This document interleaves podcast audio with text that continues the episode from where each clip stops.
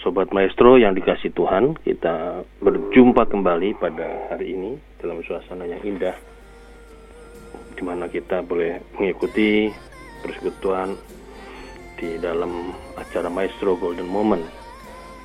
Kita percaya dan yakin bahwa persekutuan kita ini diberkati Tuhan dan apa yang boleh kita lakukan sebagai ibadah kita pada Tuhan juga berkenan kepada Tuhan.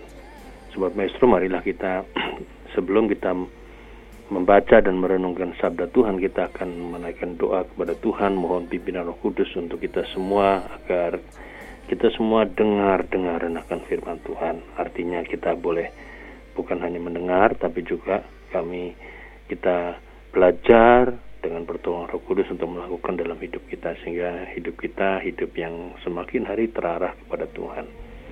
Mari kita berdoa.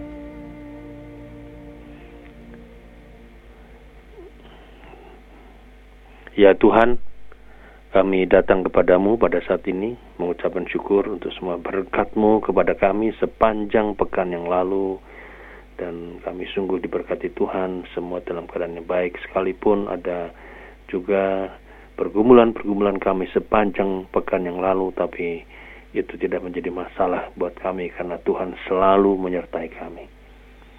Berkatilah ya Tuhan kami dalam persekutuan acara ini bersama pemandu acara kami Ibu Silvi juga operator kami saudara Gary dan nanti juga bersama Stefanus di bagian akhir acara ini berkati juga semua orang yang mengambil bagian di dalam pelayanan di Radio Maestro berkati juga pemilik Radio Maestro supaya semuanya dipakai Tuhan untuk menjalankan misi kerajaan Allah di muka bumi ini. Bapak berkati hambamu, kuasa roh kudus hadir, menyempurnakan semua persiapannya sehingga apa yang boleh diuraikan dalam sabda Tuhan ini mengalir dalam hidup kami karena kami percaya bahwa firman Tuhan yang ditaburkan pada hari ini di mana-mana tempat tidak kembali kepada Tuhan dengan sia-sia tapi berbuah berlipat kali ganda dalam hidup kami masing-masing. Ya Tuhan bersabdalah pada kami, kami bersedia mendengarkannya. Dalam nama Tuhan Yesus Tuhan dan Juru Selamat kami satu-satunya dalam hidup ini kami berdoa. Amin. Hari ini kita akan membaca Injil Lukas pasal 18 saudara-saudara ayat 1 sampai ayat yang ke-8. Lukas pasal 18 ayat 1 sampai 8.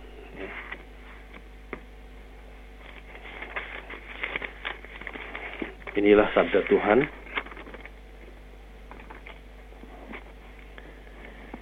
Lukas 18 ayat 1 sampai 8, Yesus mengatakan suatu perumpamaan kepada mereka untuk menegaskan bahwa mereka harus selalu berdoa dengan tidak jemu-jemu. Katanya, dalam sebuah kota ada seorang hakim yang tidak takut akan Allah dan tidak menghormati siap seorang pun. Dan di kota itu ada seorang janda yang selalu datang kepada hakim itu dan berkata, Belalah aku terhadap lawanku. Beberapa, beberapa waktu lamanya hakim itu menolak. Tapi kemudian ia berkata dalam hatinya, Walau aku tidak takut akan Allah dan tidak menghormati seorang pun, namun karena janda ini menyusahkan aku, baiklah aku Aku membenarkan dia supaya jangan terus saja ia datang dan akhirnya menyerang aku. Kata Tuhan, camkanlah apa yang dikatakan hakim yang lalim itu. Tidakkah Allah akan membenarkan orang-orang pilihannya yang siang malam berseru kepadanya? Dan adakah ia mengulur-ulur waktu sebelum menolong mereka? Aku berkata kepadamu, ia akan segera membenarkan mereka. Akan tetapi, jika anak manusia itu datang, adakah ia mendapati iman di bumi? Demikianlah seluruh pembacaan Injil kita, Lukas pasal 18 ayat 1 sampai 8. Berbahagialah setiap orang yang mendengar firman Tuhan serta memeliharanya dalam kehidupannya masing-masing. Haleluya. Saudara-saudara yang dikasih oleh Tuhan Yesus Kristus. Pada umumnya saudara-saudara, orang percaya pengikut Kristus itu memiliki mentalitas dalam hal berdoa, yaitu apa? Mental apa? Mental berdoa kalau hanya ada maunya. Jadi berdoa ya ya kalau berdoa kalau perlu. Kalau nggak perlu ya nggak perlu berdoa. Nah, kira-kira begitu. Kalau kesusahan, masalah berat bertubi-tubi berdoa, bahkan berseru, ya, dengan keras kepada Tuhan. Tapi kalau tidak lagi keadaan senang ya nggak perlu berdoa. Ya, saudara-saudara, kenapa saya mengatakan bahwa pada umumnya karena memang survei membuktikan bahwa orang percaya begitu yang mengikuti Yesus. Mentalnya seperti itu dalam hal berdoa. Nah, ada satu kisah pada tahun uh, abad kemarin ya, seorang pilot pesawat terbang penumpang yang menuju ke New York menyadari bahwa alat pendaratan pesawat jetnya tidak berfungsi. Ketika pilot tidak berhasil mengeluarkan roda pesawat, dia meminta perintah kepada menara kontrol. Awak yang di darat segera mempersiapkan landasan untuk pendaratan darurat tanpa roda. Beberapa saat sebelum mendarat, pilot mengumumkan melalui intercom di pesawat, kita sedang memulai penurunan terakhir sesuai dengan kode penerbangan internasional yang ditetapkan di Jenewa merupakan kewajiban saya untuk memberitahukan Anda sekarang kalau Anda percaya pada Tuhan, Anda seharusnya berdoa ya. dan mereka para penumpang gelisah karena memang mereka mau mendarat darurat itu tadi. Nah, kemudian pesawat ya semua orang berdoa di situ berdoa semuanya dengan cara agamanya masing-masing. Pesawat kemudian melakukan pendaratan dengan perut pesawat dan dengan mujizat pesawat bisa berhenti tanpa seorang penumpang pun yang cedera. Seandainya pesawat tidak menghadapi krisis pada hari itu, penumpang tidak akan tahu tentang peraturan perusahaan penerbangan mengenai berdoa. Ya. Anggap biasa-biasa aja. Tapi begitu ada trouble di pesawat itu, pesawat jet itu, ya mereka mulai semuanya berdoa. Nah, saudara-saudara, bukankah ini gaya atau mentalitas kebanyakan dari kita dalam hal berdoa? Selama segala-galanya lancar, kita jarang atau bahkan tidak berdoa. Tapi segera setelah situasi menjadi sulit antara hidup dan mati, ya barangkali begitu, semua berpaling kepada Tuhan untuk mendapatkan pertolongan.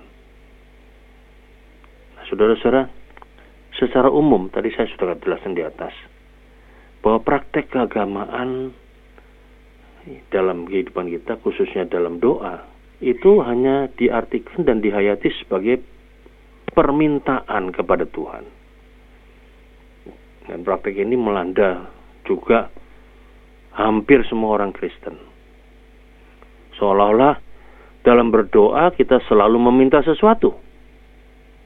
Doa menjadi suatu cara yang lain untuk mewujudkan ambisi-ambisi kita. Apabila permintaan kita tidak atau belum dikabulkan, maka dapat dipastikan semua orang percaya pernah bertanya, mengapa Tuhan tidak mengabulkan doa, doa saya? Mengapa Tuhan belum mengabulkan doa saya? Pertanyaan ini timbul karena kita begitu yakin telah berdoa dengan penuh percaya dan apalagi dalam nama Yesus. Saudara-saudara, keyakinan ini membuat orang Kristen percaya diri bahwa doanya benar-benar sesuai dengan kehendak Tuhan dan Tuhan berkenan mendengar doanya. Pengalaman ini seperti mengirim surat kepada kekasih yang tanpa balas. Kita kecewa. Akibatnya banyak orang menjadi acuh tak acuh dan malas berdoa karena permohonan doanya belum dikabulkan Tuhan. Nah, saudara-saudara, di sini doa menjadi alat alat kita untuk meminta atau mewujudkan keinginan kita, mewujudkan ambisi-ambisi kita yang kita inginkan.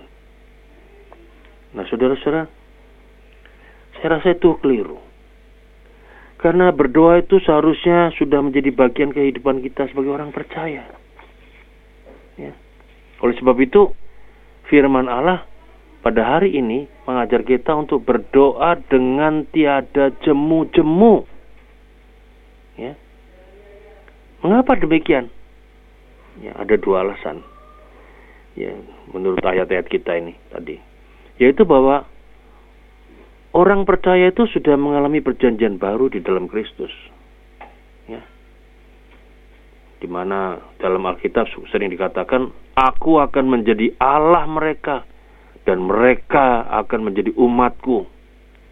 Umat Tuhan itu mempunyai hubungan khusus intim dengan Allah yang didasarkan atas pengakuan dosa dan anugerah pengampunan Allah. Bagi banyak orang, doa hanya merupakan sebuah ban serep yang digunakan jika ban-ban lainnya kempes atau bocor. Ya. Kita merencanakan, kita bekerja, dan jika kita tidak mendapatkan apa yang kita inginkan, apalagi di zaman krisis ekonomi saat-saat ini di mana sulit mendapatkan apa yang kita inginkan, maka kita berdoa. Tuhan, Engkau yang mengerjakannya untuk aku. Malah lebih buruk lagi bagi orang percaya yang sebagian besar menganggap doa sekedar tindakan formalitas, yaitu memejamkan mata dan ala kadarnya atau sekedar mengucapkan kata-kata yang terhambur di udara. Memang saudara-saudara, dalam perjanjian lama, terkesan adanya bentuk-bentuk lahiriah doa yang mengandung ide meminta dengan sungguh-sungguh. Itu ada. Misalnya doa Hana yang meminta anak. Ya. ya ada itu. Namun, dalam perspektif kerajaan Allah, Alkitab menggambarkan doa jauh lebih luas dari sekedar permohonan. Melainkan sebagai suatu bentuk hubungan baru dengan Allah, yaitu hubungan selaku anak dan bapa. Maka dalam perspektif ini, doa adalah persekutuan, pergaulan, komunikasi, percakapan kita dengan Bapa di surga.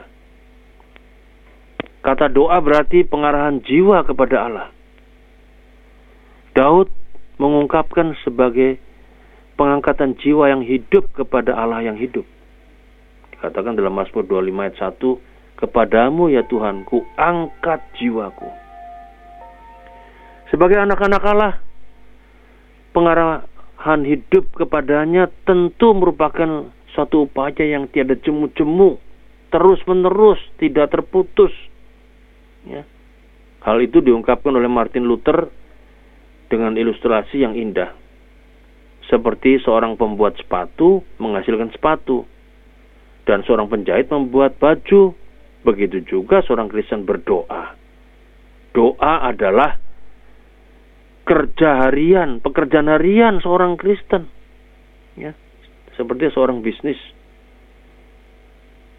Kerja hariannya apa? Ya berbisnis. Tidak jemu mengusahakan usahanya agar menghasilkan. Itu kata Martin Luther.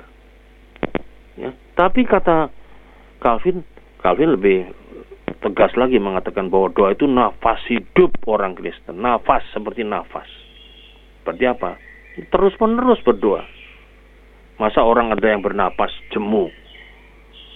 Ya, kita nggak tarik napas beberapa menit aja langsung bisa megap-megap. Nah, jadi kita melihat ini. Ya, kita ini umat dalam perjanjian baru. Bahwa doa itu adalah halusnya dilihat dalam perspektif kerajaan Allah dalam rangka pengarahan kita pada Tuhan yang terus menerus kita lakukan berdoa tidak jemu, jemu karena kita ini umat perjan, perjan, perjanjian baru dari Allah dan dalam perspektif kerajaan Allah itu saudara-saudara yang kedua kita berdoa tiada jemu-jemu itu kenapa karena kita sebagai orang percaya itu menyongsong datangnya kerajaan Allah seperti doa yang kita selalu panjatkan dalam doa Bapa kami Bapa kami yang di surga di datanglah kerajaanmu. Kita sedang menyongsong itu. Ya. Bukan berdoa tiada jemu itu sebagai upaya mendesak Tuhan memenuhi permintaan kita. Tetapi sebagai wujud ketekunan seorang Kristen yang merindukan datangnya kerajaan Allah. Dalam ketekunan ini iman kita diuji. Makin teruji iman kita.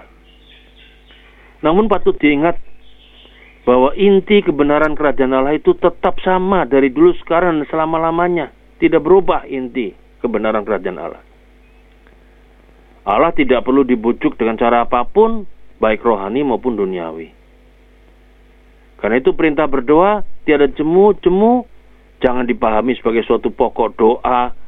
Harus kita doakan berulang kali karena seolah-olah Allah senang menahan berkat-berkatnya. Gitu. Saya rasa tidak. Allah tidak pernah menahan berkat-berkatnya. Ya. Jangan punya kita punya pikiran seperti itu. Lalu kita berdoa dengan tidak jemu-jemu karena Allah masih menahan berkat kepada kita. Atau saudara-saudara Jangan kita berkesan secara negatif. Yaitu apa gunanya berdoa tiada jemu kalau Allah sudah lebih dulu mengetahui apa yang kita perlukan. Seolah-olah itu Allah mempermainkan kita. Ya. Jadi ada orang punya pikiran secara negatif tadi. Buat apa berdoa tiada jemu? Karena Allah sudah lebih dulu mengetahui apa yang kita perlukan. Bukankah seolah-olah Allah mempermainkan kita di sini. Nah, saudara-saudara, jangan kita melihat itu. Kita harus melihatnya dalam rangka menyongsong datangnya kerajaan Allah. Dalam kebenaran kerajaan Allah, maka ketidakjemuan berdoa itu justru menunjukkan iman dalam pergaulan kita dengan Tuhan. Karena Allah itu Bapa yang penuh kasih setia yang senantiasa peduli kepada anak-anaknya. Karena itu hasil doa bukanlah pemberian beberapa yang kita inginkan, melainkan pergaulan, pengenalan akan Allah, agar kita diberi keberanian untuk menyampaikan kehendak Allah. Untuk itu kita berdoa tiada jemu. Ya, kita ini sedang menyampaikan kehendak Allah dalam hidup kita untuk misi datangnya kerajaan Allah itu. Nah, saudara-saudara, tentu kita makin bertanya, buat apa kita berdoa dengan tiada jemu? Ya. Jadi saya mau memperlihatkan bahwa sekali lagi saya sudah katakan di atas bahwa inti kebenaran kerajaan Allah itu tetap ya Allah tidak bisa dibujuk oleh siapa pun ya lalu kita tidak punya pikiran bahwa kita berdoa tiada jemu itu seolah-olah uh, kalau doa terus menerus tidak jemu itu berarti Allah itu seolah-olah menahan berkat untuk kita. Ya, tidak. Ya. Ingat kita berdoa tiada jemu itu adalah dalam rangka kita menunjukkan kesetiaan iman kita kepada Tuhan. Ya. Kita bukan berdoa kepada Tuhan untuk memaksa Tuhan menjawab doa kita tapi dalam rangka penantian datangnya ada tanggung jawab kita sebagai orang Kristen yang menyampaikan harta kerajaan Allah, yaitu kebenaran firman Allah. Untuk menyampaikan kehendaknya itulah kita berdoa tiada jemu, sebagai tanda kasih setia iman kita kepada Tuhan. Sehingga manusia diberi keberanian untuk menyampaikan kebenaran firman Tuhan. Nah, saudara-saudara, ada sebuah kesaksian ini. Ada seorang Kristen di Inggris yang bekerja kerjanya cuma sebagai buruh. Ia orang yang sangat sederhana, tapi punya semangat yang berapi-api untuk melayani Tuhan. Namun dia sadar bahwa ia tidak terpanggil untuk menjadi pengkhotbah atau penginjil. Oleh karena itu pada suatu hari ia datang pada pendetanya dan meminta nasihat mengenai pelayanan jenis apakah yang dapat dikerjakannya.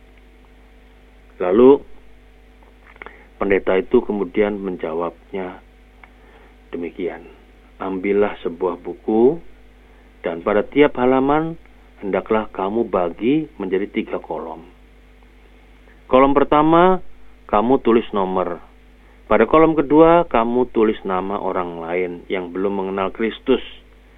Dan pada kolom ketiga kamu tuliskan kapan orang itu bertobat menerima Kristus sebagai juru selamatnya. Nah, setelah itu tugasmu ialah apa? Berdoa dan sekali lagi berdoa agar orang itu benar-benar diselamatkan. Setelah memberi nasihat itu, pendeta itu berdoa untuk buruh itu ya supaya dia boleh menjadi berkat bagi banyak orang, banyak jiwa untuk diselamatkan. Saudara-saudara, 40 tahun kemudian buruh ini meninggal dunia. Dan buku catatannya tentang doa itu tadi diketemukan oleh seorang hamba Tuhan. Ternyata di dalamnya ada tertulis 200 2450 ya 2450 nama orang-orang yang sudah bertobat karena pelayanan doa yang benar dalam rangka kerajaan Allah dari buruh yang sederhana itu. Saudara-saudara, kesaksian ini memberi pelajaran bagi kita betapa pentingnya berdoa tiada jemu bagi pelayanan pekerjaan Tuhan, bagi misi kerajaan Allah sampai Dia datang kembali. Saudara-saudara, oleh karena itu marilah kita memperbarui komitmen kita untuk berdoa tiada jemu-jemu dalam menyongsong kedatangan kerajaan Allah. Agar kita menjalankan misi kerajaan Allah di dunia dan makin banyak jiwa-jiwa yang diselamatkan. Tuhan memberkati kita semuanya. Amin.